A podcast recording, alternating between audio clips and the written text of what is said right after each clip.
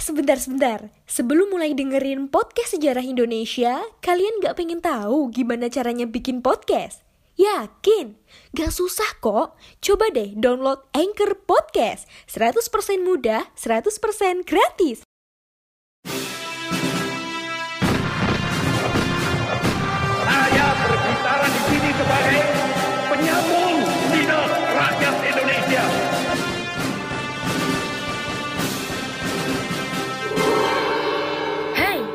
Terima kasih sudah memilih mendengarkan kami, Poseidon. Podcast yang bikin kalian gagal move on. Halo sobat dari masa lalu, salam sejarah. Selamat datang kembali di podcast Sejarah Indonesia, podcast yang bikin kamu gagal move on. Kembali lagi bersama aku, Nisa Fazalina, dan kali ini aku bakal bahas tentang pertempuran Medan Area.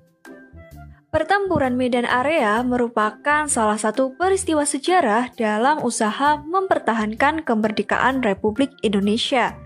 Pertempuran ini terjadi di Medan atau Sumatera Utara atau yang dulunya ini masih bernama Sumatera Timur. Pemicu pecahnya pertempuran Medan Area ini adalah kedatangan pasukan sekutu di Sumatera Utara pada 9 Oktober tahun 1945. Pasukan sekutu ini sama dengan di tempat-tempat lain yang awalnya kedatangan pasukan sekutu disambut baik oleh pemerintahan Indonesia di Sumatera Utara. Gubernur Sumatera Utara Teku Muhammad Hasan mempersilahkan tim Recovery of Allied Prisoner of War and Internees atau RAPWI yang bertugas membantu pembebasan para tawanan perang menandatangani tempat-tempat para tahanan berada seperti di Bulu, Rantau Prapat, Pematang Siantar, dan Brastagi. Gubernur juga mengizinkan sekutu untuk menempati beberapa hotel di kota Medan. Dalam kenyataannya, sekutu dan Nika atau Netherlands Indie Civil Administrative mempersenjatai para bekas tawanan perang dan membentuk Medan Batalion KNIL dengan tugas utamanya mengambil alih kekuasaan di kota Medan. Hal ini menimbulkan konflik dengan TKR atau Tentara Keamanan Rakyat dan Barisan Pemuda Indonesia atau BPI pimpinan Ahmad Tahir. Insiden pertama terjadi pada 13 Oktober tahun 1945 di hotel di Jalan Bali, Medan. Insiden bermula ketika seorang penghuni hotel merampas dan menginjak-injak lencana merah putih yang dipakai warga setempat. Aksi tersebut menimbulkan kemarahan rakyat. Para pemuda kemudian menyerbu hotel tempat kejadian. Sebanyak 96 orang tewas dalam insiden tersebut. Sebagian besar adalah orang-orang nikah. Sebagai reaksi atas kejadian tersebut, pasukan sekutu mengultimatum para pemuda dan rakyat di kota Medan agar menyerahkan senjatanya kepada sekutu. Sementara itu, Nika mulai melakukan aksi-aksi teror kepada rakyat. Ultimatum ini tidak dihiraukan, dan sebaliknya malah semakin mengobarkan semangat perlawanan penduduk. Lama-kelamaan pihak sekutu dan Nika terdesak. Hal ini disebabkan para pemuda dan TKR berhasil mengadang serta menyerbu pasukan sekutu yang sedang melakukan patroli dalam rangka membatasi gerak maju serta pengadangan para pemuda, pada 1 Desember 1945, Sekutu memasang papan yang bertulisan Fixed Boundaries Medan Area atau batas resmi wilayah Medan di berbagai pinggiran kota Medan. Tulisan ini semacam garis polisi yang diyakini akan menghambat gerak maju serta serbuan para pemuda dan TKR terhadap pasukan sekutu.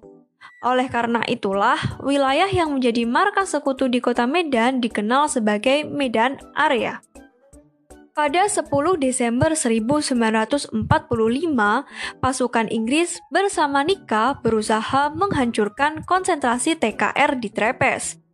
Namun, usaha ini berhasil digagalkan.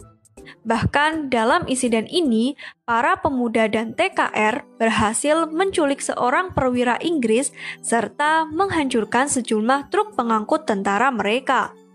Sekutu dan Nika juga melancarkan serangan besar-besaran terhadap kota Medan. Serangan tersebut menimbulkan banyak korban di kedua belah pihak. Kemudian pada April 1946, tentara Inggris mendesak agar pemerintahan Republik Indonesia keluar dari kota Medan. Gubernur, wali kota, dan markas TKR pun terpaksa pindah ke Pematang Siantar. Untuk melanjutkan perjuangan di Medan pada Agustus 1946 dibentuk Komando Resimen Laskar Rakyat Medan Area. Komando ini terus mengadakan serangan terhadap sekutu di wilayah Medan. Nah, demikianlah penjelasan mengenai pertempuran Medan Area. Selain di Medan, hampir di seluruh wilayah Sumatera terjadi perlawanan rakyat terhadap Jepang, Sekutu, dan Belanda seperti di Padang, Bukit Tinggi, dan Aceh. Di Aceh, misalnya, tentara Sekutu menggerakkan tentara Jepang untuk menghadapi perlawanan para pejuang. Selanjutnya, Sekutu mengirim lagi pasukan Jepang dari Sumatera Timur sehingga pecah lagi pertempuran di Kuala Simpang. Perlawanan di Kuala Simpang ini dipimpin langsung oleh Residen Tekunya Arif dan selain di Medan sendiri, wilayah Sumatera lainnya yang melakukan perlawanan-perlawanan besar terhadap sekutu adalah di Palembang. Oke teman-teman semuanya, tidak bosan-bosan saya mengingatkan untuk stay safe, stay healthy, stay happy, dan jangan lupa follow kami di Instagram at podcast underscore sejarah Indonesia. Terima kasih sudah mendengarkan dan salam BTS Bineka Tunggal Suara, walau berbeda-beda tetapi tetap satu suara Indonesia. Sampai jumpa.